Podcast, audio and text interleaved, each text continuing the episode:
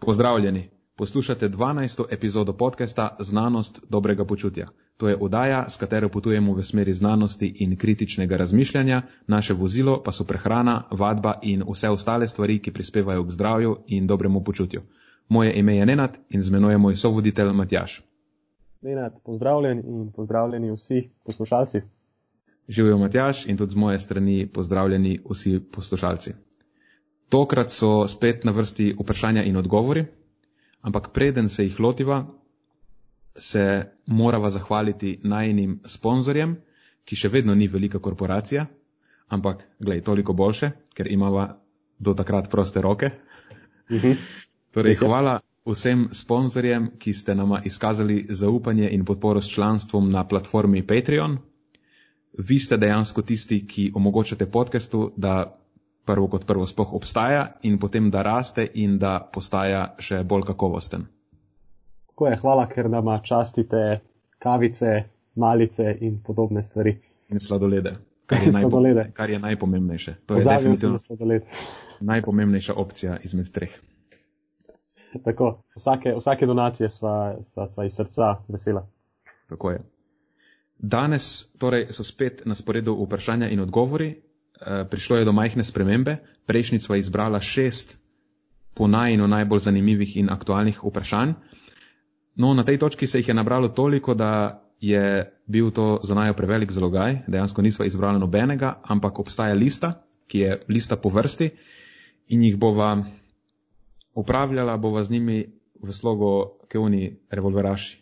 En, eno Ja. po eno bova streljala. Tako, tako. In, Eno- in pa eno tudi, eno. eh, kdo, kdo prej pride, prej melje varianta. Ne? Tri so Tako. nam ostala od zadnjič, ta so sedaj prišla na prva tri mesta in preostala nadaljujejo. Zdaj pa kar bo ostalo, pa ostane za prihodnič. Tako je, zdaj, od zdaj naprej se nabirajo ena po ena, z eno izjemo.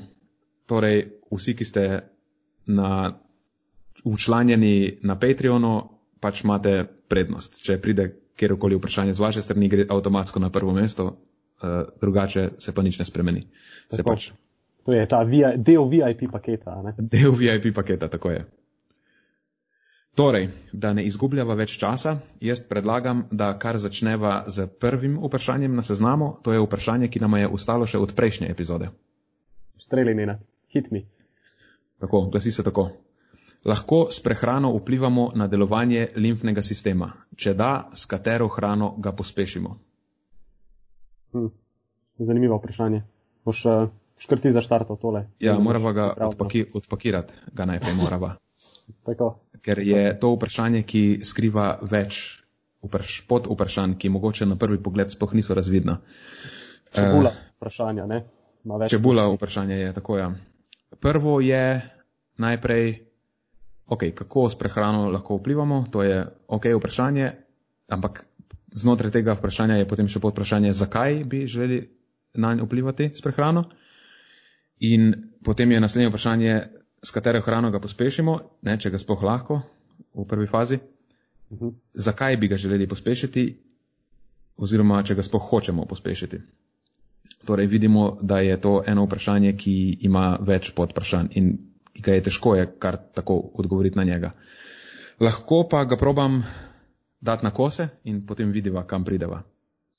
Eh, Se mi zdi, da limfa v preteklosti, vsaj je to bila ena taka zadeva, v kateri, bova rekla, so imeli ljudje ideje. In Mhm. zelo malo od teh idej je bilo utemeljenih na nekem konkretnem znanju. Veš, ko rečeš limfa, si ljudje to zelo ezoterično predstavljajo. In dosti krat potem taka vprašanja pridejo, so utemeljena na tem ezo, tej ezoterični predstavi, kaj ta sploh limfni sistem je in k čemu prispeva in, in kako deluje.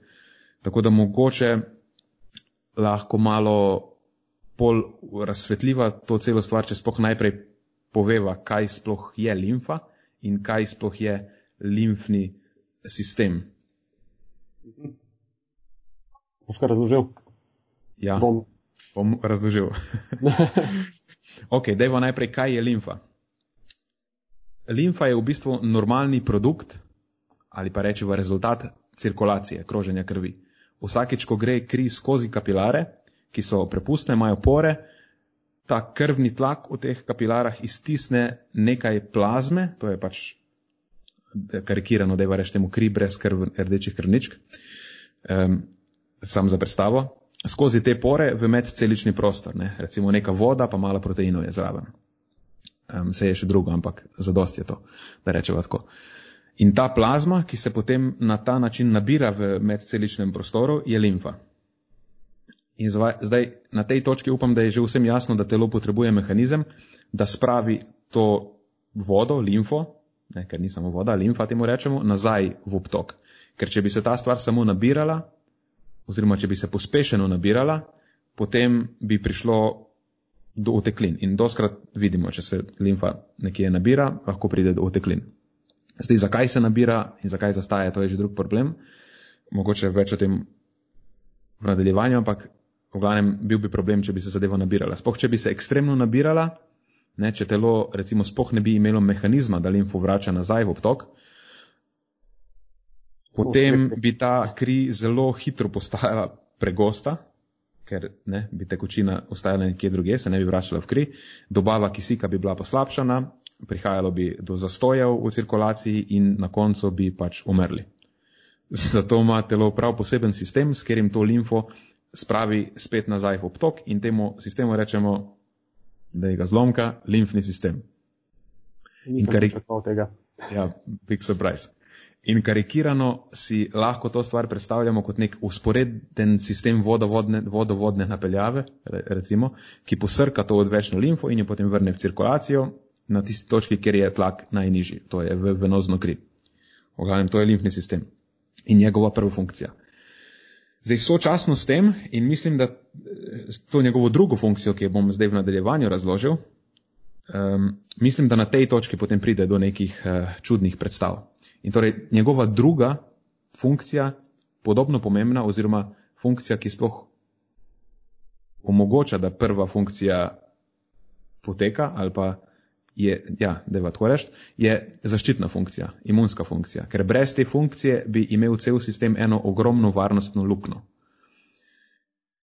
Ker skupaj s to limfo lahko limfni sistem iz tkiv pobere še kaj drugega, kaj se v teh tkivih tam nabira. Recimo neke patogene bakterije, če je prišlo do okužbe. Ali pa neke druge škodljive stvari, neke tujke, recimo toksine teh bakterij. In če bi potem limfni sistem neselektivno v obtok odmetaval vse, kar pobere, pač bi to postalo zelo hitro, zelo slabo. Mislim, da vsi vemo, ali pa vsaj sumimo, kaj se zgodi, ko se neki neželeni patogeni ali toksini znajdejo v krvnem obtoku. Ne temu rečemo pol sepsa, sistemsko vnetje in naslednja postaja je pogosto smrt.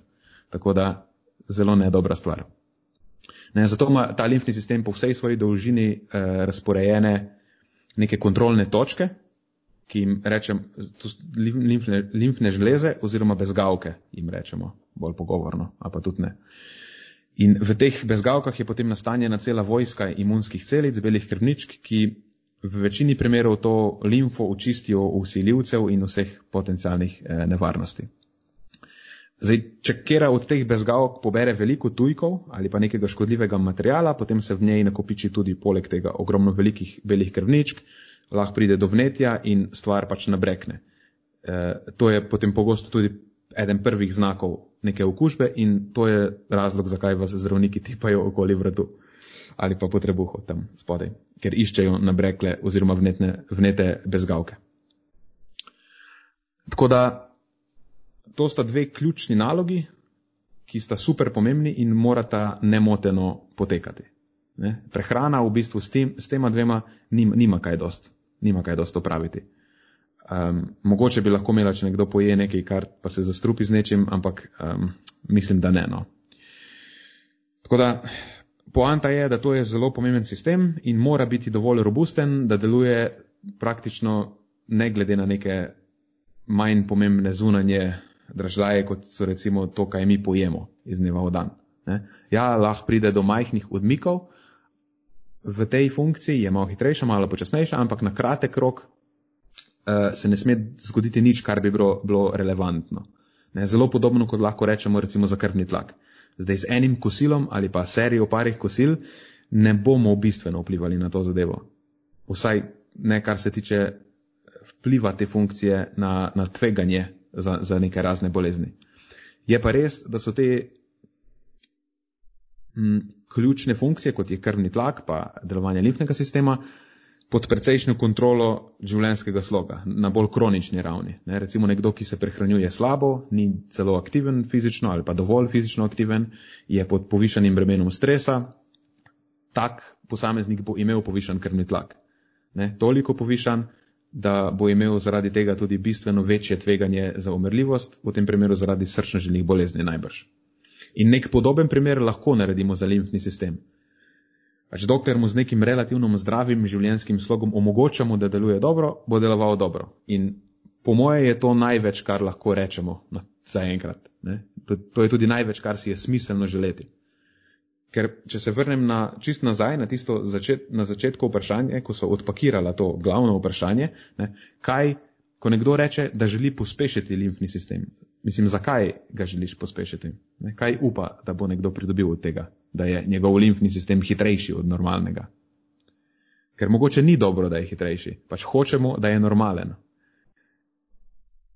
Ja.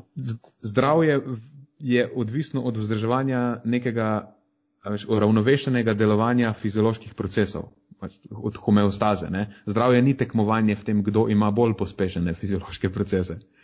Da, ko ljudje rečejo, da vem, hočem povečati svojo imunost, recimo, ne, ali pa ja, hočem pospešiti svoj primer, sem zaželel, da tako. Ja, ali pa hočem. Ja. Ja, ali pa hočem pospešiti svoj limfni sistem. Ker se mi zdi, da je povezana ta stvar, ker doskrat eh, si mislijo, da ok, limfni sistem ima neko pomembno funkcijo pri imunosti in ali pa pre, pri zaščiti recimo pred rakom, ali pa to so neke stvari, ki se doskrat, eh, bomo rekla, temu mečejo naokoli in potem zdaj, če jaz to vse pospešim, ne, na videzno se zdi, to bo pa zdaj ful boljša obramba pred, pred vsem tem. Samo v bistvu ni tako, ne, ker vemo, da naprimer preveč aktiven imunski sistem je lahko tudi škodljiv. Ljudje z avtoimunskimi obolenji imajo preveč aktiven imunski sistem. Ali pa zdaj, kar je aktualno, ljudje, pri katerih pride do pretirane vnetne reakcije pri bolnikih uh, s COVID-19, do te citokinske nevihte. Njih v bistvu ta preveč aktiven imunski sistem ogroža. Tako da ne nočeš preveč aktivnega, niti imunskega, niti limfnega sistema. Hočeš, da stvari delujejo pač tako, kot morajo. Ne? Toliko, da vzdržujejo to telesno homeostazo in nič bolj. Ja, tako je. To si dobro izpostavil. Ne? Ciljamo tukaj na neko homeostazo. Uh, in podobno zgodbo kot za limfni sistem, si rekel, ja, imunski sistem ali pa ne vem, anabolizem, katabolizem, unetni procesi, protivnetni procesi, vse to mora biti nekem ekvilibriju v našem telesu. Ne želimo si, da ena tehnika prevesi v eno stran, ker bo imelo negativne vplive na naše zdravje. Mhm. Skratka, neka ključna poanta tukaj je, da najlažje vplivamo na to enostavno z zdravim življenjskim slogom kot takim in mhm. ne silimo uh, prevesiti tehnice v eno ali drugo stran. Ampak še eno stvar nisva povedala. A, čebula se lupi dalje. Tako je. V bistvu nisva niti zaključila še z vsemi funkcijami limfnega sistema. Obstaja še ena, ki pa je prehranska vloga limfnega sistema. To je pa ta, da limfni sistem dejansko je zadolžen za to, da transportira zaužite maščobe. Ne? Če na hitro samo ta koncept predstaviva še, pač zaužite maščobe po absorpciji v enterocitah oziroma v celicah tankega črevesja, eh, so pakirane v hilomikrone. Zdaj ti hilomikroni so lipoproteinski delci z ultra nizko gostoto. To pomeni, da so eni taki zelo eh, veliki kompleksi, puhasti, da je reč temu tako. In krvne kapilare imajo pa zelo majhne pore, zato ti hilomikroni ne morejo prehajati direktno v kri, direktno v te kapilare. No, na srečo oziroma z namenom je evolucija to tako zrihtala, da usporedno s temi kapilarami tečejo posebne limfne žile, ne vem, kako se slovensko reče, lakteale, mogoče je prevod, lacteals je po angliško, no, ki imajo večje luknje in hilomikroni pa lahko prehajajo v te lakteale. In potem to so posebne te vodnice limfnega sistema in preko teh se potem maščobe skozi limfni sistem izločajo v krvni obtok skupaj z limfo in na istem mestu kot limfa. Ne. Tako da, ko preidejo v limfni sistem, potem potujejo skupaj z limfo tudi maščobe in se izločijo v venozno kri. Tako da, kar se prehrane tiče, mislim, da edino, kar bi lahko direktno vplivalo, oziroma kar se očitno direktno vpliva na pretok limfe, so prehranske maščobe. Ampak zaenkrat nisem videl še nobenega zelo prepričljivega dokaza, da bi lahko s tem kakorkoli negativno ali pa pozitivno vplivala na ta pretok limfe, vsaj v tem smislu, da bi to imelo nek zaznaven učinek na zdravje. Ne? Zdaj, dokler je vnos maščob v nekem normalnem okvirju, recimo predvsem, da ni prekomeren, je to najbrž največ, kar lahko narediš. Ne? Super. Um, razmišljam, če sem, če sem pozabil še kaj. Mogoče, kaj pa vem, mogoče bi lahko imela tudi kemijska ta struktura maščob nek vpliv, ne? za nasi, nenasičene načeloma velja, da imajo nasplošno nek bolj ugoden ta postprandialen odziv, ne? odziv po zaužitju. Ampak, lej, kot pravim, dokler so te stvari znotraj neke normale, ne, tudi recimo nekoliko večji delež nasičenih maščob, močno dvomim, da bi bil problematičen. Pač dokler jih ni preveč, ne, zdaj je relativno ali pa absolutno mogoče. Tako da, če mogoče potegneva zdaj črto, pa probava dejansko odgovoriti na to vprašanje, ali lahko s prehrano vplivamo. Ja, najbrž z maščobami direktno lahko vplivamo, ampak je to nerelevantno, ker se ne bo zgodilo nič takega, kar bi imelo dejanski vpliv. Um, če da, s kero hrano ga pospešimo, um, pač pospešiti ga najbrž direktno ne moremo, lahko ga samo ne upočasnimo pretirano. In ga mogoče tudi pospešiti. Ampak, ja, ampak tudi to je mogoče in tako kot praviš, um, ker pravim, ne vem, nisem videl še nekih konkretnih dokazov, da bi tudi z visokim vnosom maščob lahko kakorkoli zadevo. Sej, mogoče bi lahko naredil celo nasproten case, da pospešiš zadevo, ne, ampak lej, to je vse zelo. Nič od tega, po moje, dejansko nima vpliva nekega zaznavnega in tako kot praviš, ja, na koncu zakaj ga sploh hočeš pospešiti. Ne? Zdaj spet v nekih normalnih okoliščinah. Razumem, če pride do neke hude okužbe ali pa, a veš, do neke hude poškodbe in zdaj je ta limfni sistem res zelo obremenjen in so bezgavke, rečemo temu v narekovajih, zam, zamašene. En tak primer je recimo ta elefant, ni elefantitis, kako je? V glavnem nima veze. Nek patogen, ki ga prenašajo komarji, mislim, da je nematoda, nek črv, se raznožuje tako, da leže jajčica v teh lezgavkah in to je pač v tem tropskem pasu okoli ekvatorja problem, ne? v teh mokrih krajih se mi zdi. In potem, a veš, ta zadeva dejansko zamaši te bezgavke in potem te zadeve začnejo utekati in cele noge ponavadi, pa genitalije zatekajo tem ljudem in izgledajo dejansko kot sloni od pasu navzdol. Tako da to je en tak ekstremen primer, mogoče nek manj ekstremen primer še zmeraj povzroči eno tako težavo, recimo da je neka poškodba ali pa hudo vnetje, ki potem nek, vsaj malo, a veš, zdaj, po teh zadebeljenih bezgakah se mogoče stvari malo počasneje premikajo, pa potem bi lahko nekako eh, prispeval pozitivno k temu celjenju, če bi stvar skozi ta limfni sistem pospešil, sam s prehrano, prehrana je tu nima nobene vloge, potem greš, a veš, rabiš neko konkretno stvar. Tako. optimalno pod medicinskim nadzorom, to neko ne vem kako. Termin, ki se uporablja, je neka limfna drenaža, sam nisem ziger, koliko je to. Uh, pač tu se moje ekspertize v tem končajo. Ne bi, ne bi preveč o tem, ampak pravim, v normalnih okoliščinah je pač nek normalen življenjski slog največ, kar lahko narediš, s prehrano največ bistveno ne moreš vplivati. Če imaš pa neko konkretno težavo, kjer je stvar zaradi nekega razloga zdravstvenega motena in je to rečemo zelo slabo, potem greš k ustreznemu specialistu, da to stvar reši. Ne boš z, ne vem, kurkumo ali pa zeleno te stvari pozdravil. Ja, točno to. Točno to. Po vsem, kar si povedal, Nenad, sem zelo vesel, da ne živiva v tistih tropskih krajih, ker se ne sliši ravno kot prijetna stvar. E, to je, kako bom povedal, se to lahko razkrijeva, se je osebna stvar. E, to je en moj tak pa ne vem, če je to glih hobi. Za mene zelo fascinirajo te stvari in pol včasih prav berem o teh nenavadnih tropskih boleznih. Uh mhm. -huh. In včasih so res prave grozljivke. Pač res je fascinantno, ne? Kako je, lahko, kako je življenje tam drugačno zaradi tega. Ne? Čemu vse so tisti ljudje tam izpostavljeni, kakim, kakim vse zajedalcem čudnim. In Sej zgodovinsko, če gledaš, ne, zdaj mi se imamo tukaj zahodnjaki, pa ful smo napredni, pa, ne, ja, ker živimo v Evropi, kjer je zelo milo podnebje, ne, na, naklonjeno k temu, da se lahko nemoteno razvijamo, ne, imamo nemoteno znanstveni napredek, kulturni napredek, a veš, vse nam je fajn. Ja, eh, mi igramo to našo igrico na, na easy levelu. Ne, na na easy levelu, tako je. Ja. Tam ja. pa igrajo na expert ali pa še kaj več. God mode. God mode. ja, ok, ampak pusla, zdaj smo že zašla eh, v neke druge, ne, pre, ne, ne prehranske, ampak mogoče se celo dotikajo dobrega počutja, tako da nič ni izgubljenega.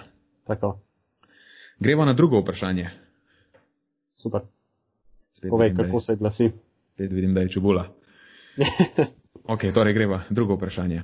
Vpliv gensko spremenjene hrane na moške hormone. To je vprašanje in potem je še ena trditev. Naj bi postajali vedno bolj poženščeni. Zdaj, ok. Treba najprej razložiti prvi del, kaj genska spremenjena prehrana sploh je in potem narediti to povezavo med prvim in drugim delom ja. vprašanja. Lahko jaz probam prvi del, pa boš ti potem probal drugi del. Zmenjeno. Ok. Spoh, ta gensko spremenjena hrana, to je tak, v bistvu je to brezvezen termin, ker ne pomeni nič. Tako je širok, da ne pomeni nič. Ker recimo vsi smo gensko spremenjeni. Ne? Gensko spremenjeno pomeni, da je nekdo z namenom zbral gene od nekoga, ne od nekega organizma. Sam, če dobro pomislimo, moja mama je zbrala moje gene preko mojega očeta, ne? ker ona je zbrala mojega očeta na podlagi nekih fenotipskih karakteristik, ne, ki so dejansko take zaradi tega, ker on ima neke gene in posledično je ona zbirala njegove gene, zato ker si je želela, da bi njen, potomec imel take gene, kot jih ima on. Ne, to je taka ena darvinistična razlaga, ampak na tej točki upam, da to je zdaj že 12. epizoda, vsi vemo, da mi je evolucija in darvinizem, da sta mi zelo blizu. V pravem pomenu besede darvinizem. V glavnem, da ne zaidem zdaj predaleč, ne vsi, ki se spolno razmnožujemo, oziroma vse vrste v bistvu, ki se spolno razmnožujejo, so tako ali tako gensko spremenjene. Ne, to je pač, mimo tega dejstva ne moremo. Res pa je, da sploh pol z razvojem recimo kmetijske revolucije so začeli te stvari zavestno delati. Kmetje so zbirali večja semena, so rekli, ta semena so ful velika, jih bomo prihranili za naslednjo letino in bomo potem posadili, ne, selekcionirali so jih dobesedno. Bomo posadili samo velika semena in potem bodo obstaja verjetnost, da bodo zrasla večja semena in pol bomo spet z naslednje letine zbrali večja semena in tako dalje. Isto pri živalih. Ne. Imam enega vola, ki je ful mišičast, bom samo njega razmnoževal s svojimi kravami. In potem s napredkom pač tehnologije, sploh genetske tehnologije v zadnjih rečemo temu stoletju ali pa boljše desetletjih, um, smo se naučili te stvari početi veliko bolj sofisticirano. Ne? Zdaj znamo oceniti več kot samo cel fenotip, pa rečemo, ok, ta krava mi je všeč, pa hočem imeti ful več takih krav, ampak prav znamo prepoznati neke proteine in lahko gremo izolirati točno en gen za ta protein in rečemo, oh shit, ta paradižnik bi ful boljše rasto, če bi imel ta nek protein, ki ga ščiti pred neko stvarjo in potem vzamemo samo ta protein in ga ostavimo v njegov genom. To je taka zelo karikirana eh, razlaga tega, ampak tako pač je. Ne, zaradi tega, ker je neka stvar gensko modificirana, ni avtomatsko bolj škodljiva. V bistvu je lahko celo bolj koristna zaradi tega, ne, ker lahko, recimo, da ustavimo ta nek zaščitni protein, v ta paradižnik je bolj odporen na škodljivce in bo zdaj več tega zraslo. Ne. Zaradi tega ni nič bolj škodljiv, samo več tega imamo.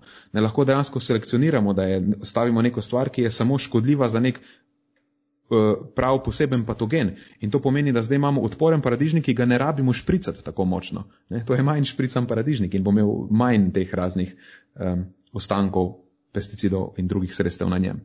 Potem lahko ga modificiramo tako, da vsebuje več beta karotena, recimo on zlati riž, ne?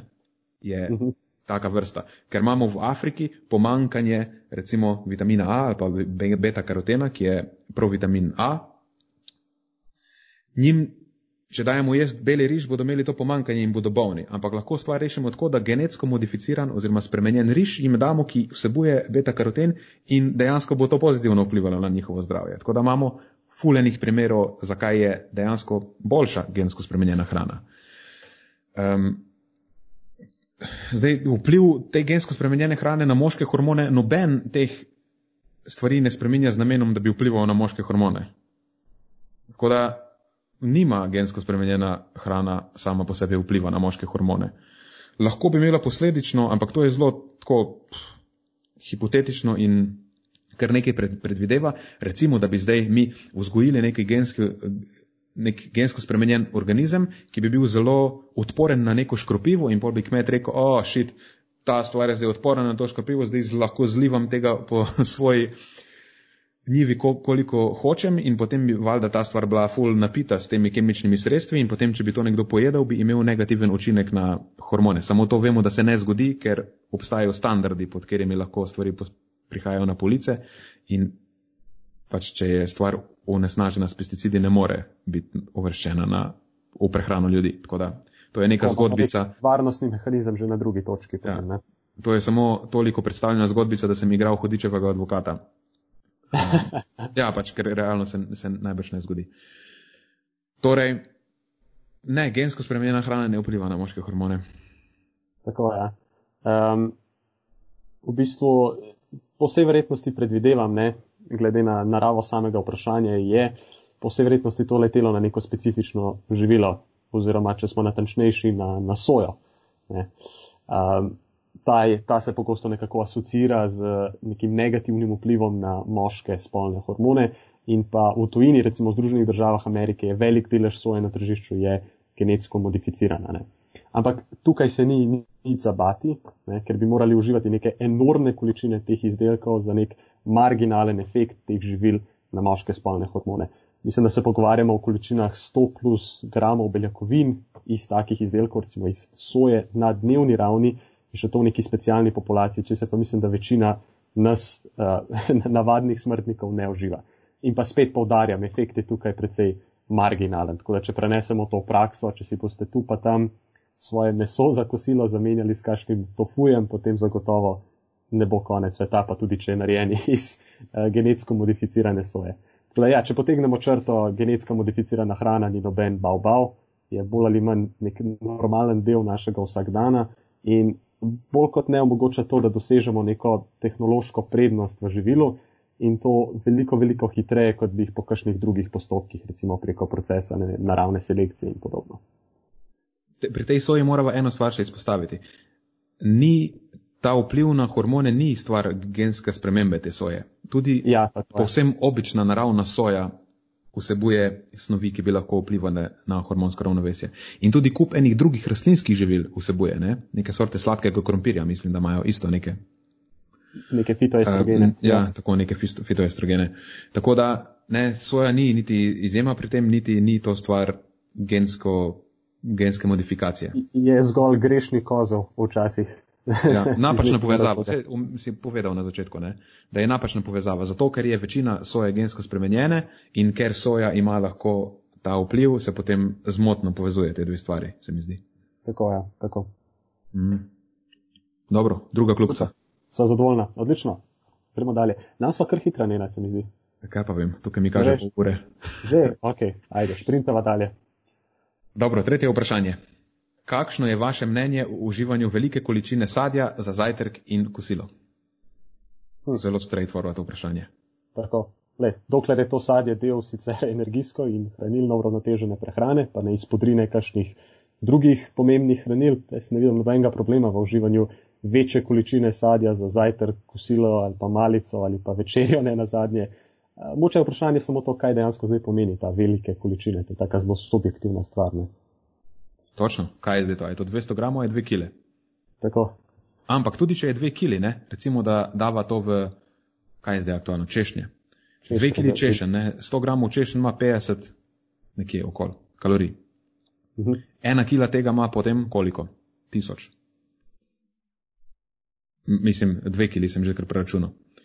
Um, a sem se zmotil, ki nisem se zmotil? Tisoč Ne, kalorij.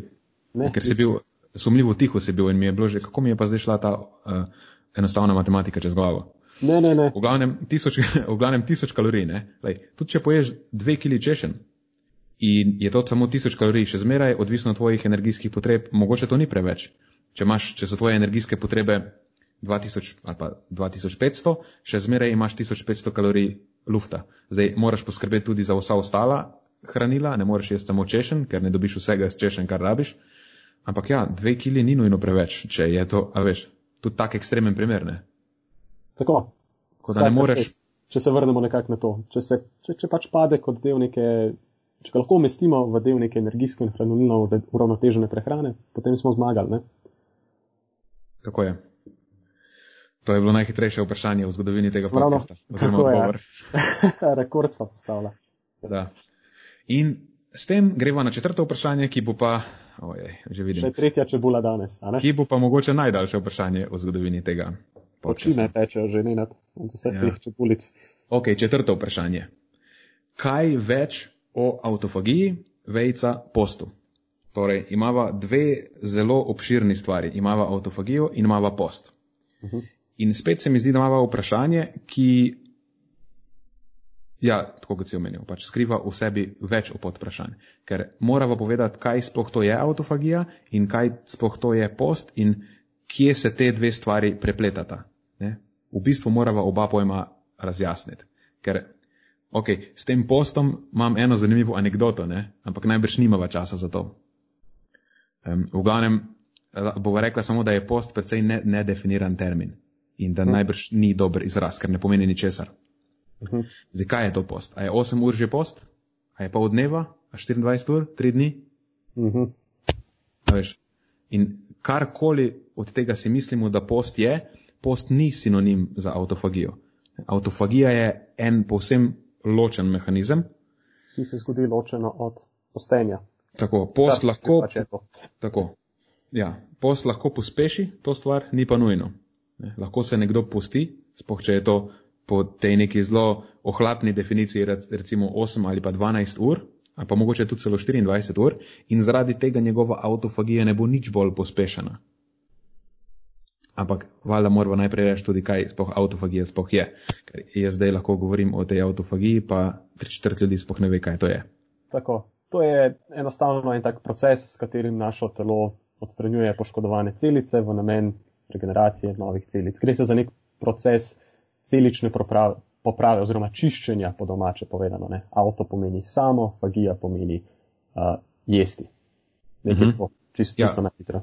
Um, ja, čisto na hitro, ampak bomo šli bolj v pol podrobnosti. Morava. Nažalost morava, ker drugače ne morava odgovoriti, kje se te stvari stikata.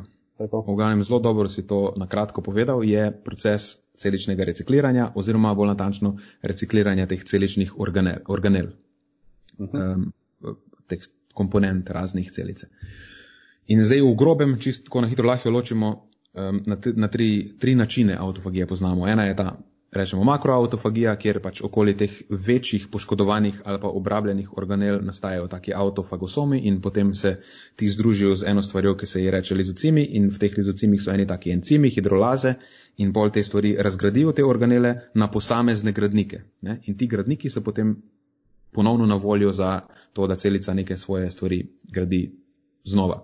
In potem je še ena stvar, ki se je reče mikroautofagija, kjer pol ti lizocimi, ki so v celici, samo posrkajo neko manjšo, tako ne, poškodovano ali pa obrabljeno strukturo. In potem je še tretja, ki je neka posebne vrste autofagija, rečemo temu, ki je pa, pa je chaperone, chaperone mediated autophagy, je chaperoni medirana autofagija. Pač je bolj specifična, ki jo uravnavajo ene stvari, ki se, rečejo, ki se, je, ki se jim reče šaperoni in to so posebni proteini, ker jih naloga je v bistvu, da zvijajo ali pa razvijajo druge proteine. Ker pač proteini, da imajo neke funkcije, morajo biti ustrezno zviti. Oziroma njihova ja, funkcija teh šaperonov je tudi, da prepoznavajo te napačno zvite proteine.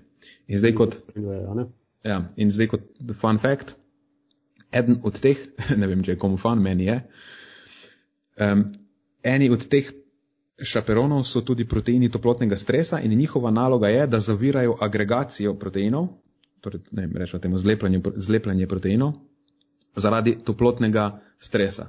Kot recimo, ko kuhaš jajce.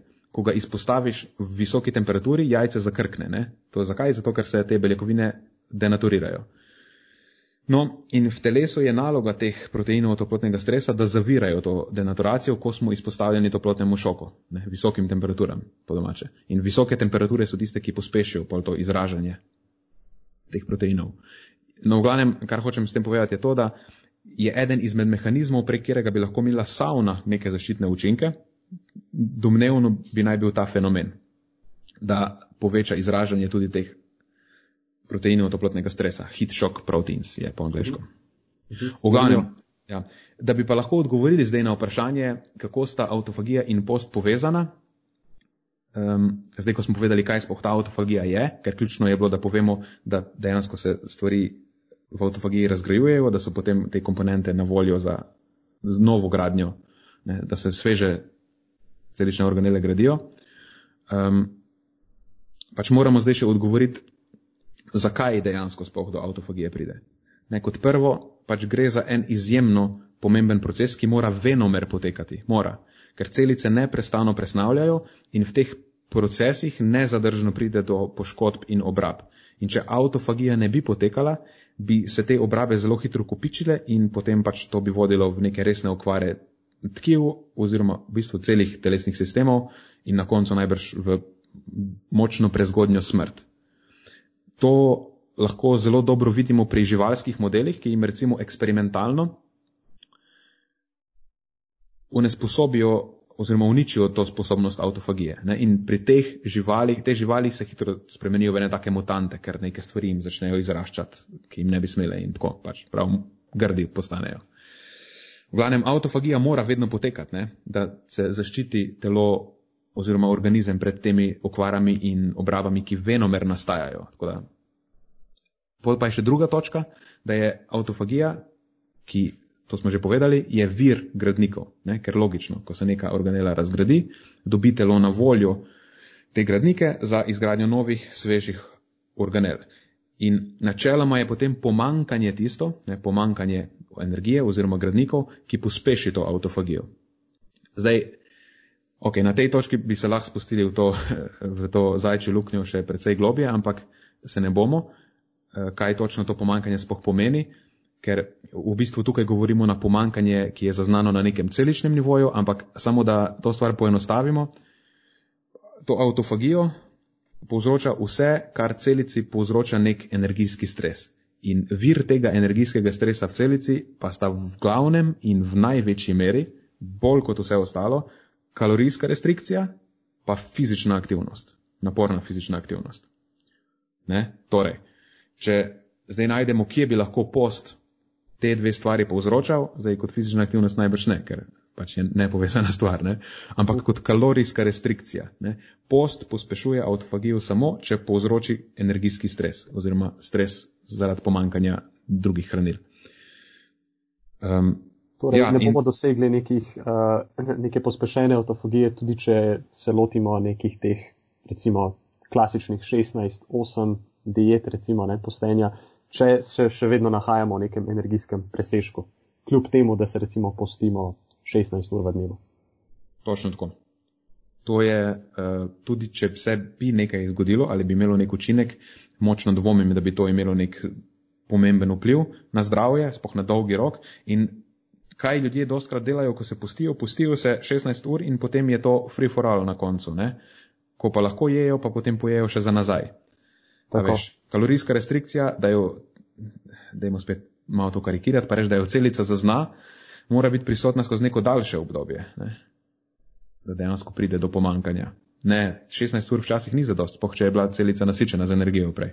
Uh -huh. uh, tako da, če nekako probava še to dati en tak zaključek temu, neka zdrava, pa ok, moramo še eno stvar povedati. Zdaj, neka zdrava stopnja autofagije je koristna v tem smislu, da zavira, ne, mislim, ne neka zdrava, ja, je pomembna, ker zavira kupičenje teh škodljivih sprememb v celici. In načeloma v nekih normalnih okoliščinah, ne, ko nekdo vzdržuje, rečemo temu, zdrav življenjski slog, zdravo telesno maso, je fizično aktiven, ta stvar deluje, kot deluje. Ne, spet je to nek tesno nadzorovan mehanizem, na katerega pa zares nimamo vpliva. Tako da to ni neka stvar, ki bi jo lahko kot neko ročico samo vklopil in izklopil ne, in ki bi lahko karkoli predvideval v njenih ugodnih ali pa neugodnih učinkih, ker kako boš spoh to stvar zmeril. Ne? Pač v nekih normalnih količinah se nima smisla spoh pretirano ukvarjati s to autofagijo, ker obstaja kup enih pomembnejših reči. Ne? In samo zato, ker se zdaj ti postiš in kao ne, hashtag autofagija, pač to ti potem ne da dovoljenja, da zanemarjaš. kar želiš potem v tistem ja. oknu priložnosti. Da potem zanemarjaš dejansko te bolj pomembne korake. Uh, ja. uh, eno pomembno stvar se spomnim še, še, še na tej točki. Zdaj z to autofagijo. Pa moramo to povedati, oprosti. Nerd alert, ampak moramo to povedati. Ker Aha. spet gre, spet bova govorila o tem, da več ni boljše. Ne? Kljub temu, da ima autofagija nek pozitiven prizvok, um, ni, ja, več ni boljše. Moram, moram spet iti korak malo nazaj, pa moram še eno stvar povedati. Pač imamo različne vrste autofagije, ne? recimo podzvrsti autofagije. Imaš ribofagija, ki je pač recikliranje teh eh, ribosomov, imaš lipofagija, ki je recikliranje nekih lipidnih komponent noter v celici in potem, na tej bi se rad ostavil, pa naredil en tak primer, je mitofagija, je recikliranje mitohondrijev. In obstajajo dokazi, ki namigujejo, da bi lahko bila prekomerno aktivirana autofagija eden od patoloških mehanizmov pri, eh, vsaj pri nekih določenih teh neurodegenerativnih boleznih, mislim, da pri Parkinsonovi in pa pri ALS. Um, če ko je že ALS je kratica za, ok, se nima veze, amiotropična lateralna skleroza, se mi zdi. V glavnem, to je una, ki je imel, a je imel Hawkins to bolezen. Tako je. Ok. V glavnem nimamo dobrega zdravila za to. Oziroma nimamo sploh zdravila, ampak ok. Um, dobro, zdaj sem že itak zašel izven svojega rajona, ampak recimo, da ne govorim neumnosti in lahko to misel dokončam. Ne? V teh primerih je pogosto govora o prekomerno aktivirani mitofagiji, torej um, prekomernem recikliranju mitohondrijev, ki so neke naše glavne energijske tovarne. Pač brez mitohondrijev ni energije za bolj kompleksne oblike življenja, ne? recimo na nivoju večceličnih, mikroorga, eh, eh, večceličnih organizmov, ki smo mi ljudje. In če je ta stvar pretirana, ta pretirana mitofagija vodi v recikliranje prevečjih mitohondrijev, kar potem lahko onesposobi dejansko to celično sposobnost pridobivanja energije in posledično vodi v celično smrt, kar najbrž ni presenečenje. In pač ker celica nima zadost energije. In recimo pri živih celicah, pri živčnih celicah, ki potrebujejo veliko energije, ne, so te kapacitete zelo pomembna stvar in pretirana ta autofagija v tem primeru najbrž ni glih tisto, na kar ciljamo, če je naš cilj neko optimalno zdravje možganov in živčevja in rečemo temu dobro počutje pa se spet nekako vračamo na tisto, kar sva prej omenila na temo limfnega sistema in imunskega sistema, da več ni vedno boljše. Ne? Da si ne želimo pretirano aktivirati določenih procesov oziroma pretirano zavreti drugih procesov, ker naletimo na celo morje enih težav. Točno tako. To, to sem upal, da bo očitno je bilo vsaj približno ok. Ne, ne, dospelo ti je. Mogoče še to omeniva, ne vem, lahko to izdam ali ne, ampak načrt je, da bova enkrat v bližnji prihodnosti a, naredila en cel podcast na temo časovno omejenega prehranjevanja na splošno. To zdaj čisto mimo postenja kot takega, ampak samo tako. Mhm, stay, ja, definitivno, ja, definitivno ena tema, ki se ji lahko posveti več pozornosti. Mhm. Dobro, potem pa imava, to je kljubce četrta, peto vprašanje. Kako se glasi? Um, zanimivo vprašanje. Prehrana v času nosečnosti. To je pač uh mhm. -huh. ne, neka stvar, ki. Super. A se boš ti malo zanima? Ja, nisem prebral še do konca. Aha, še je, potem, je še, potem je še trditev, ki sledi temu vprašanju. Pravi, ker če greš brati priporočila, si kao ful omejen, so pa vsi na tem področju nekompetentni in glasni. To je trditev, ki je prišla zraven. Dobro, dobro strukturirano vprašanje. Ja. Ne, ne, ker prevzamem tole za začetek. Ja, ja kar, kar začni. Pa mi boš pa ti dopolnil. Um, zdaj, to je kar precej široko zastavljeno vprašanje, ne? ker je tu, tukaj kup enih nekih faktorjev, ko se pogovarjamo o prehrani tekom nosečnosti, na katere je potrebno biti pazljiv. Pa bom zdaj poskušal biti skozi par teh glavnih faktorjev. Um, za začetek se seveda moramo pogovarjati o nekem primernem dnevnem energijskem odnosu. En tak pogosti mit, ki ga slišimo, je, da je v času nosečnosti potrebno jesti za dva, kar seveda ni res in lahko vodi v neko prekomerno pridobivanje mase nosečnice, kar seveda ima negativen vpliv tako na nosečnico, kakor tudi na sam plod. Um, sa, energijsko gledano, nekako v prvem tri meseču ni nekih bistvenih sprememb, oziroma se ne priporoča, da kaj sploh dvigujemo dnevni energijski vnos. Potem šele v drugem trimesečju se potrebe povečajo za približno 250 kilokalorij na dan in potem v tretjem za približno 500 kalorij na dan. Ne. Skratka, ena ali pa dve dodatni malici na dan, oziroma lahko to postavimo v tak kontekst, ene. Par, par dodatnih banan na dan in to je to. Ne. To ni neka zdaj bistvena sprememba v dnevnem energijskem vnosu. Uh, druga stvar za energijskim vnosom, ki bi jo bilo vredno izpostaviti, je vsekakor nekoliko višji vnos beljakovin, ne, ker se pač leti uporabljajo za izgradnjo ploda, pa izgradnjo nekaterih novih tkiv, ne, posteljice in podobno. Uh, potrebno je tudi popaziti na zadosten vnos maščob kot takih in pa ne samo kvantiteto maščob, temveč tudi uh, neke specifične vire maščob. Tukaj ciljam predvsem na omega-3 maščobe, predvsem dokozo heksainojsko, torej to DHA maščobno kislino, ki je ključnega pomena pravzaprav za nevrološki razvoj otroka. Potem je tukaj železo, železo je ena taka zanimiva stvar, ta je pogosto v pomankanju, kajti potrebe po železu se tekom nosečnosti povečajo kar za dvakrat, kljub odsotnosti menstrualnega ciklusa. In to je nekaj, kar se zelo pogosto, oziroma zelo hitro lahko zgodi, da so ženske nosečnice v pomankanju, še posebej, če ne uporabljajo nekaterih prehranskih dopolnil na tej točki, ker je zelo težko uh, doseči te visoke potrebe zgolj s prehrano. Potem folna kislina je zagotovo nekaj, kar je potrebno omeniti. Ne? Potrebe se tukaj močno povišajo do te točke, ko je zadevo prav tako precej težko pokriti iz prehrane kot take, oziroma se je bolj smiselno poslužiti uporabe prehranskih dopolnil, kajti folna kislina je ključnega pomena za normalen razvoj neuralne cevi.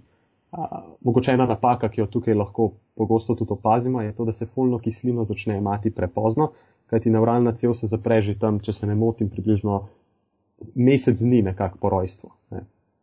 Uh, potem je tukaj mogoče še kalci, to lahko definitivno omenimo. Ne.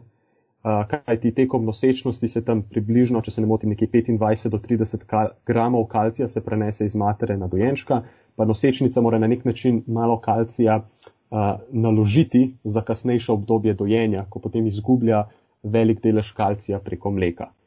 Um, potem morda še ta vedno problematični vitamin D, če se lahko tako izrazim. Zdaj ta je pomankanju v večini populacije, tukaj nosečnice pač niso izjeme, saj ga zelo malo dobimo iz prehrane kot takega in pa tudi generalno gledano smo dokaj slabo izpostavljeni soncu. A, pa pa mogoče še to, ne, to so zdaj živila, na katere, ali pa hranila, na katera je potrebno biti pozoren, jih moramo unesti v nekih večjih količinah v tej fazi, pa, pa, pa je pa tukaj še neka skupina živil, katerim se je smiselno izogibati v tem obdobju. Recimo pretiranemu vnosu eh, rib iz vrha prehranjevalne verige zaradi visoke vsebnosti težkih kovin, eh, čeprav tukaj ne vem točno, kakšna bi bila neka taka zgornja meja. Potem Mislim, tukaj... o tem so posnela eno uro podcasta, tako da če koga to zanima, potem naj gre poslušati. To je epizoda, ne vem koliko je, ampak v naslovu ima omega 3. ja, hvala, Nina, hvala. Uh, potem so tukaj nepasterizirani mlečni izdelki, uh, alkohol, tukaj najbrž ne rabim izpostavljati, zakaj. Uh, najbrž tudi previsok vnos kofeina ni zaželjen uh, in pa recimo ne previsokega vnosa mesa organov zaradi visoke vsebnosti vitamina A. To je tako nekak tak zelo hiter pregled stvari, na katere je potrebno biti pazljiv. Uh, Mm. A sem kaj slučajno izpustil nenad? Ja, mehki siri, pa neki taki mlečni izdelki, ki niso pasterizirani, so dost nevarni zaradi listerije ki je vsekakor nosečnica noče dobiti. E, tudi razne paštete, recimo, so doskrat lahko ali pa neki namazi, so lahko sumljivi, tako da tukaj pač je potrebno biti zelo pozoren, eh, spoh v tistih obdobjih ne, organogeneze pri otroku, to je pač takrat, ki je nosečnica doživlja to jutranjo slabost, pa take stvari. Um, pač v tem obdobju definitivno ni fajn, da se okuži z nečim v prehrani, Zdaj, tako, če bi malo spet evolucijsko predvidevali, je točno ta jutranja slabost mogoče en tak zaščiten odziv na to, ne? da nosečnica teh stvari ne uživa, ampak ok, ni relevantno. Um, drugo pa mislim, da, ja, da si vse fajn povzel. Uh, tudi meso mogoče, če je omeniti, da ga je fajn skuhati do konca. Sej, uh mhm. -huh. fajn je, da imate. V vsakem primeru, ne. ja, sej fa, fajn je, da imate tako malo, uh, kako rečejo angliži, raw ali pa ne raw, uh, da, da ni glihe. Um, všel mi je termin. Um, Kako se zrezi kje? Recimo, ne bi bil priporočil ne, v tem kontekstu. Ja, biftek, ampak v mislih sem imel take malo bolj surove stvari. Uh -huh. da, da so, kako se reče, rare. Rare. Ja. V glavnem, dajte skuhati meso do konca, pač zdaj v tej fazi boste potem jedli rare. To je pa moje to, no. Ja, pa razne več tudi te jajca, so lahko vir salmonele, razne sladoledi. Ja. No, nočem zdaj strašiti pred tem, samo ne, to so vse stvari, ki, recimo jajca, sladoledi, to so vse stvari, ki jih nosečnica lahko uživa, samo mora z njimi dobro ravnati ne, niso prepovedane. Se tudi, recimo, kakšne paštete pa to pač, če so pasterizirane, načeloma so ok, ampak še zmeraj se jim svetuje se, da se jih izogibajo zato, ker so lahko vir listerije, ne, ki, je, ki je dejansko nevarna stvar. Zato uh -huh. se mhm. potem svetuje neke stvari izogibati.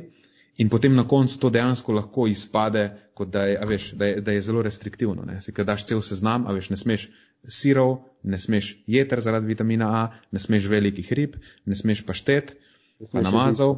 Jajc. Moraš, ja, ne, ne smeš surovih stvari jesti, moraš paziti na jajca, moraš paziti na sladoled, kofeina se moraš izogibati pa alkohola. Ampak dobro, to je recimo devet stvari, na kere moraš paziti. Spet ni tokno. Ja, mislim, se zagotovo se lahko s prostankom naredi precej, um, precej pa, uh, širok nabor živil, tako da ne bo ja, dolg čas. Lahko pa mogoče na tej točki izpostaviva še, mislim, da je to bilo uporabno stvari, ki se jim pa ni treba izogibati, pa se jih doskrat svetujejo, da se jim morajo izogibati. Uh mhm. -huh. To so pa recimo, ne vem, školke ali pa te manjši morski sadeži, doskrat niso zelo okužena stvar, to se lahko je. Potem te probiotični jogurti, kisla smetana, to je načeloma ok. Mislim, spet, a veš, se, vedno se lahko najde kakšna stvar, ampak načeloma so te stvari precej varne ta, kako se temu reče, začinjena hrana je ok, temu se ni treba izogibati. Pri teh raznih dressingih, sladolede so že omenila, majoneza, a veš, to je načeloma je ok, ampak spet ne, obstaja potencijalna nevarnost, ampak načeloma se tega ni treba izogibati, samo treba je biti pazljiv, kako se to skladišči. Majoneza je lahko zelo problematična za salmonelo, ampak, a veš, če je ok spravljena, ne bi smelo biti problema. Sploh še pasterizirana pa ne vsebuje surovih jajc. Če vsebuje surova jajca, potem dajte se pač temu za vsak slučaj izogniti. Potem med je ena stvar, ki se, ki je otroci ne smejo jesti, ko so majhni, zelo majhni. Mislim, da je do enega leta omejitev, ker je lahko vir klostridije. Klostridija botulinum je pač ena nefajna stvar, ki jo izloča, botulinum toksin, ki je v bistvu živčni strup in za odraslega to ni problem, ker upravi s, s to stvarjo, eh, dokler ta ni v prevelikih količinah, ker načeloma med vsebuje samo spore, dočim za otroka je to lahko zelo velika težava. Potem pa večina sirov je tudi varna stvar, spoh če so to trdi siri, ne, da to niso mehki siri. Od sirov pač se je samo mehkim sirom in tem modrim sirom s plesnimi načeloma iz, potrebno izogibati, dočim te čedari, parmezani, a veš, trdi siri so ok. Uh -huh. mm, ja, pa pa še mogoče arašidi so taka stvar. A, ja. Tudi se jim ni treba izogibati. Razen, če so spet, a veš, oku, okuženi z nekimi temi patogenimi mikroorganizmi ali pa vir njihovih toksinov. Ampak vse to lahko potem, a veš, raztegneš na vsa, vsa živila v bistvu. Sej. Ja, sem ravno razmišljal, da potem lahko narediš kaj ja. za vsako živilo. Ne? Torej, bolj kot ne, pač potrebno se izogibati tistim devetim stvarem, ki so jih prej naštela. Tako, vse ostalo. Ja, vse ostalo gre skozi. Dobro. Okay. To je to, ja. Samo pogledam, koliko mi dva časa to snemava, približujemo se urci, lahko še raztegneva v par vprašanj. Torej, greva na šesto, ki se glasi tako. Vaše mnenje o tem, zakaj pri ljudeh pride do več alergij in intoleranc na hrano? Hm. Zanimivo vprašanje. Ja. Zdaj, prva stvar, ki jo moramo reči, mi tukaj ne operiramo z mnenji. Malo, če se pošalim načeloma pač imajo ljudje ja, svoje mnenja, mi tukaj probamo stvari utemeljiti na nečem konkretnem in nisem zdaj, mogoče moramo sploh ugotoviti najprej, kaj to vprašanje sploh pomeni. Zakaj pri ljudeh nekaterih ali zakaj pri ljudeh danes nasplošno pride do več alergij in intoleranc na hrano. Pač eni ljudje so bolj nagnjeni k temu, da razvijajo neke alergije ali pa intolerance. Ampak na tej točki moramo povedati tudi, da alergija in intoleranca sta dve zelo različni stvari, ki nimata mogoče sploh podobnih mehanizmov. Uh mhm. -huh. Tako da ne bi se spuščal zdaj, kaj je to alergija in kaj je to intoleranca na hrano, ampak alergije so načeloma diagnosticirane na podlagi nekih mrljivih, merljivih markerjev, ponavadi gre to za prav imunski odziv na neko osnov, dočim intolerance so Ja, neke intolerance so lahko tudi diagnosticirane, recimo laktozna intoleranca je precej dober test, za, da se vzpostavi ta diagnoza. Dočim večina ljudi danes se mi zdi, da te stvari bolj na svojo roko diagnosticira v narekovajih in to pa potem včasih spoh ne gre za pravo intoleranco, ampak. Ja, ali pa diagnosticira z uporabo nekih neuporabnih, nemerljivih metod. metod. Tako. Pač tiste razne kaj so IgG, pa ki ti potem da cel seznam nekih živil, to nima absolutno nobene validnosti, to je, če smo čisti iskrena stran, vržen denar. Ja, absolutno, absolutno nobene. Ne, ne, včasih za kako stvar lahko rečeš, da ok, ta stvar je sicer full draga, sam, a veš, ni glih tako zelo koristna, mogoče neko zanimivo stvar ti lahko pove. Ne, nič, nič, nič ti ne pove. Tako, pa ne govorimo, da, da bi rada bila nesramna ali pa kaj, ampak enostavno tako pač je. Ja. Torej, ja, alergije in intolerance so druga stvar. Zdaj, ene in druge so lahko genetsko pogojene, ne, zato mogoče pri določenih posameznikih pride do večjih alergij.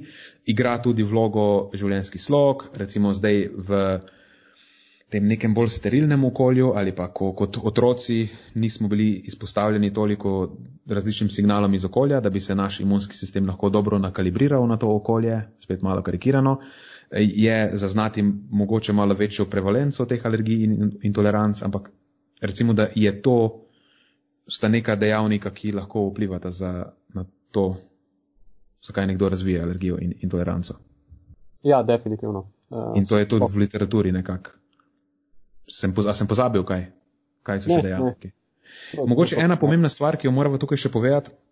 Nekoč se je domnevalo, da je smiselno otrokom do nekega leta starosti, ko so še majhni, omejevati živila, ki so potencialno zelo alergena, ne, da bi se tako izognili alergiji, ampak v bistvu se zdaj vzpostavlja ta linija dokazovanja, ki pravi, da je dejansko ravno nasprotno. Recimo, spoh arašidi so taka stvar. Če so otroci v otroštvu izpostavljeni arašidom, če jejo arašide, Sicer arašidi so orešček in to je zelo pazljivo potrebno ovajati v otrokovo prehrano, ker se lahko zadušijo z njimi, ampak recimo, da so izpostavljeni nekemu prahu ali pa recimo, da mi jemo arašide, pa potem tipamo otroka, ali samo da je nek signal, da so arašidi v našem okolju, um, potem to dejansko lahko obvaruje otroka pred razvojem alergij, pred arašidi. Tako da je smiselno v skladu s temi smernicami ne za ovajanje hrane pri otrocih, smiselno je uvajati potem tudi potencijalno alergena živila čim prej, ne odlašati s tem, ker tudi to potem lahko vodi v razvoj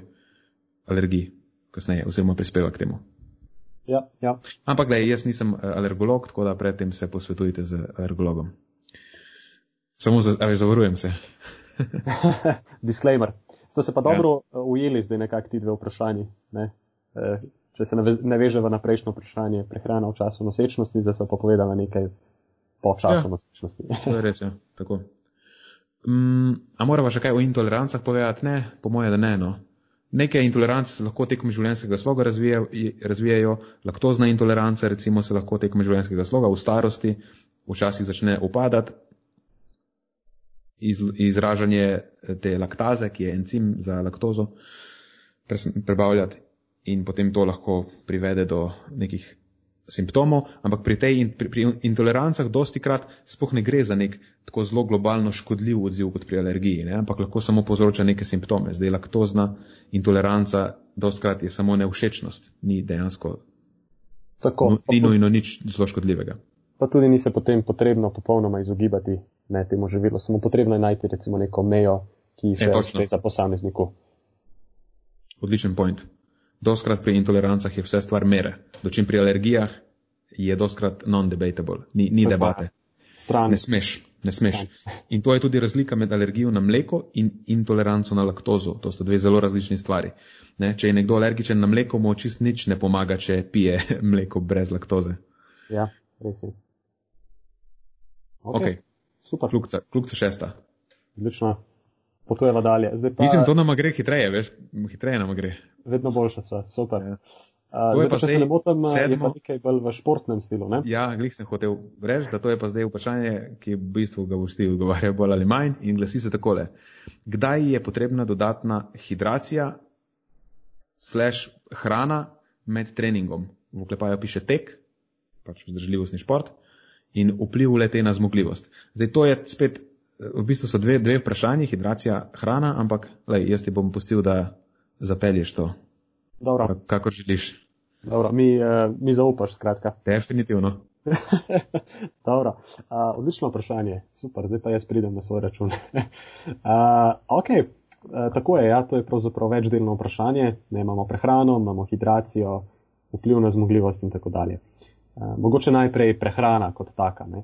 Zdaj, ko se pogovarjamo o prehrani uh, med samo aktivnostjo, imamo tukaj v mislih predvsem dodajanje uh, tistega tipa goriva, ki nam bo v tisti dotični situaciji največ pripomogel. In to so enostavni ugljikovi hidrati, ki se lahko hitro prebavijo, se hitro absorbirajo in potem posledično tudi hitro izkoristijo strani naših mišičnih celic za energijo tekom visoko intenzivne vadbe.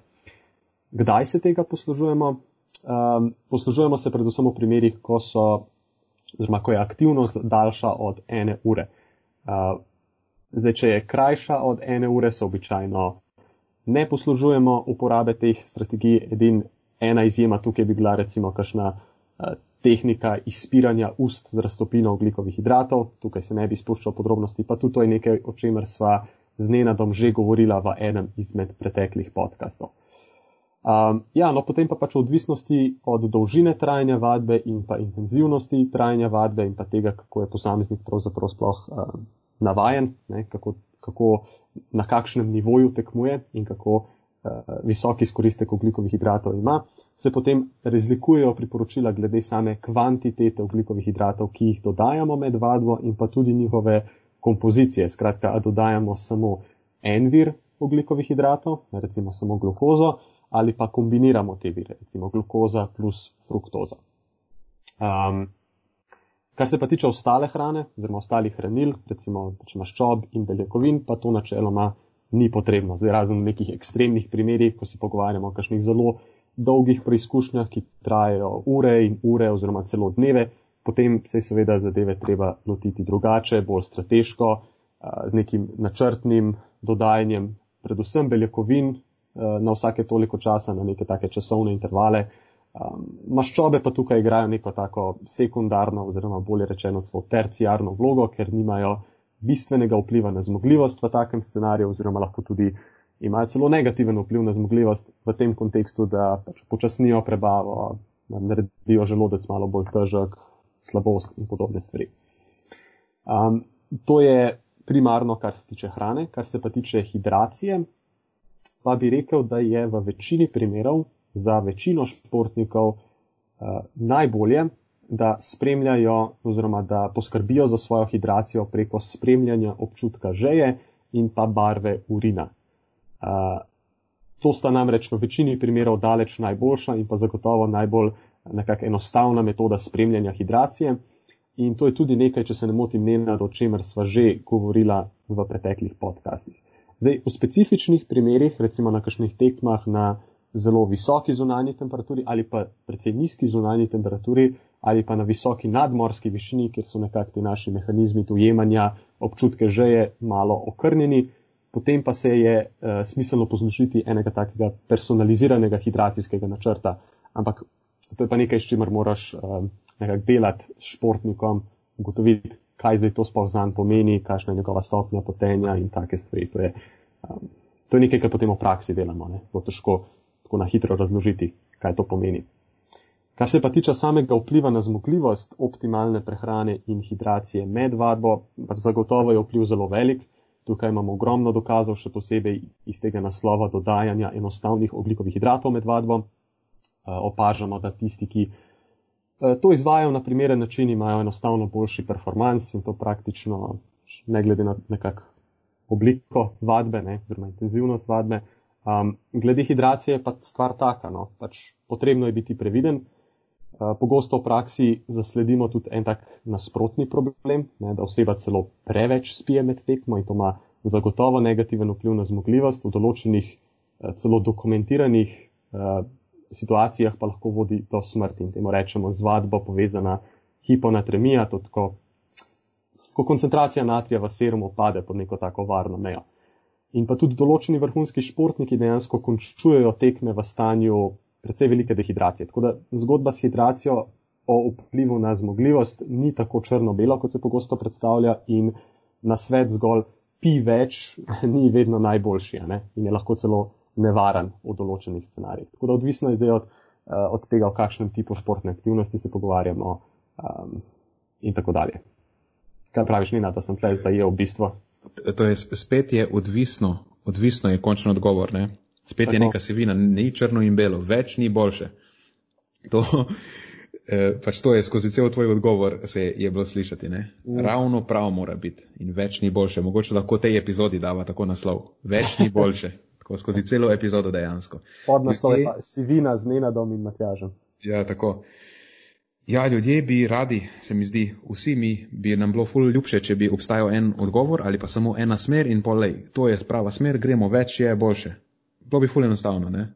Ampak v bistvu ni, ne? Vse smeri je treba iti, ravno prav jih je treba zadeti. In vse zato je prehrana težka. Tako.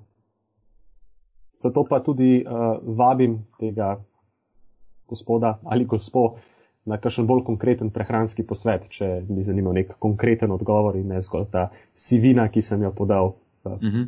Da, ker je, sej si fino si to skomuniciral, ker je tudi odvisno ne, od kakšnega, kakšen je to tek.